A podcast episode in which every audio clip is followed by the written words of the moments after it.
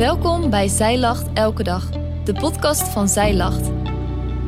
Mijn naam is Femke. Dit is de overdenking van 28 februari, geschreven door schrijfster Arianne Azodi Delami. Gisteren lazen we over het doel van de schepping van de vrouw, de Ezer Kegnechdo, en hoe wij als helper het evenbeeld van God zijn, onze helper. Vandaag kijken we naar de rol van de vrouw in het huwelijk, zoals beschreven is in de Bijbel.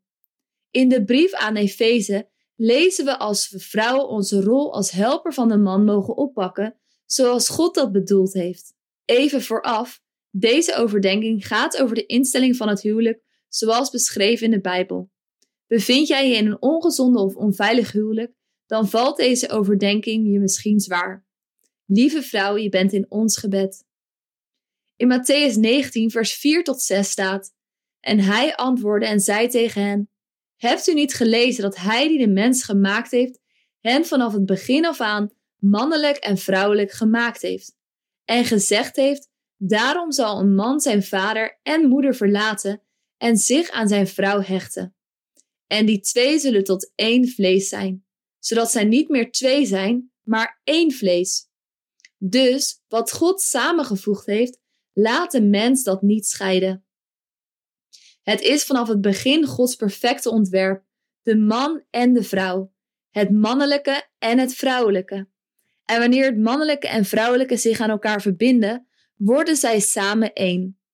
Als we naar Gods ontwerp kijken, zien we zijn liefdevolle karakter hier doorheen verweven.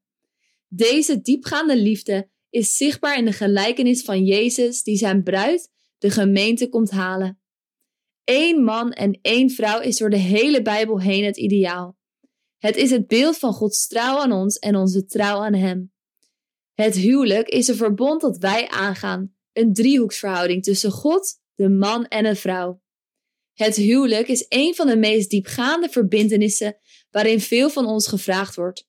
We zijn allemaal imperfecte mensen en onze verwachtingen worden niet altijd voldaan. Je man kan je teleurstellen en er ontstaat wel eens ruzie of onbegrip.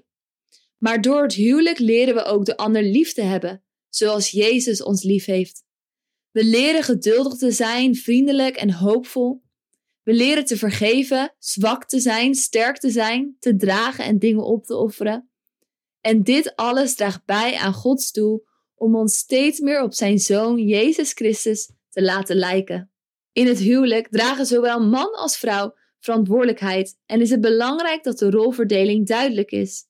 Zoals Paulus omschrijft in Efeze 5: Vrouwen, voeg u naar uw man, net zoals u zich voegt naar de Here. De man leidt zijn vrouw, zoals Christus zijn gemeente leidt. Hij gaf zijn leven om haar te redden.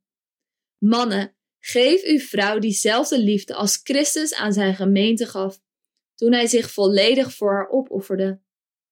En verder in die tekst staat zo moeten ook de mannen hun vrouw liefhebben en verzorgen als hun eigen lichaam. Want als de man zijn vrouw lief heeft, heeft hij ook zichzelf lief. Dat wordt bevestigd in de boeken waarin staat: Een man verlaat zijn ouders, voegt zich bij zijn vrouw en beiden worden werkelijk één. Dit is een diep geheimenis. Voor ieder van ons persoonlijk komt het hierop neer. De man moet net zoveel van zijn vrouw houden als van zichzelf en de vrouw moet haar man respecteren. De taak van de man is het liefhebben van zijn vrouw. Het voorbeeld voor de man is Christus zelf, zijn opofferde liefde, zijn leven voor de haren.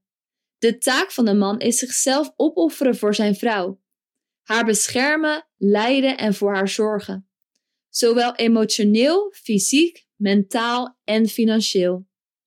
De taak van de vrouw is zich te voegen naar haar man, zoals ze zich voegt naar de Here. Dit betekent dat ze zich door moet hem laten leiden, hem moet gehoorzamen en laten beschermen. De vrouw moet haar man respecteren. En respect is voor een man belangrijker dan liefde. Een man heeft respect nodig om te kunnen voorzien in zijn natuurlijke rol.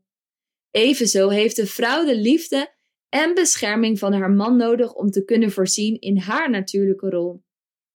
Hoe kun jij als vrouw de helper van jouw man zijn, zoals God het bedoeld heeft? Blijf altijd sterk staan in Gods waarheid. Vertrouw erop dat Hij weet wat het beste is in jouw persoonlijke situatie, hoe moeilijk deze op het moment ook kan zijn.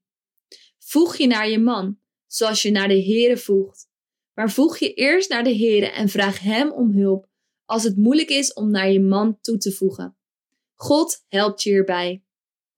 Draag je geloof uit in het dagelijks leven. Verblijd je in de Heere en Hij zal je de verlangens van je hart geven.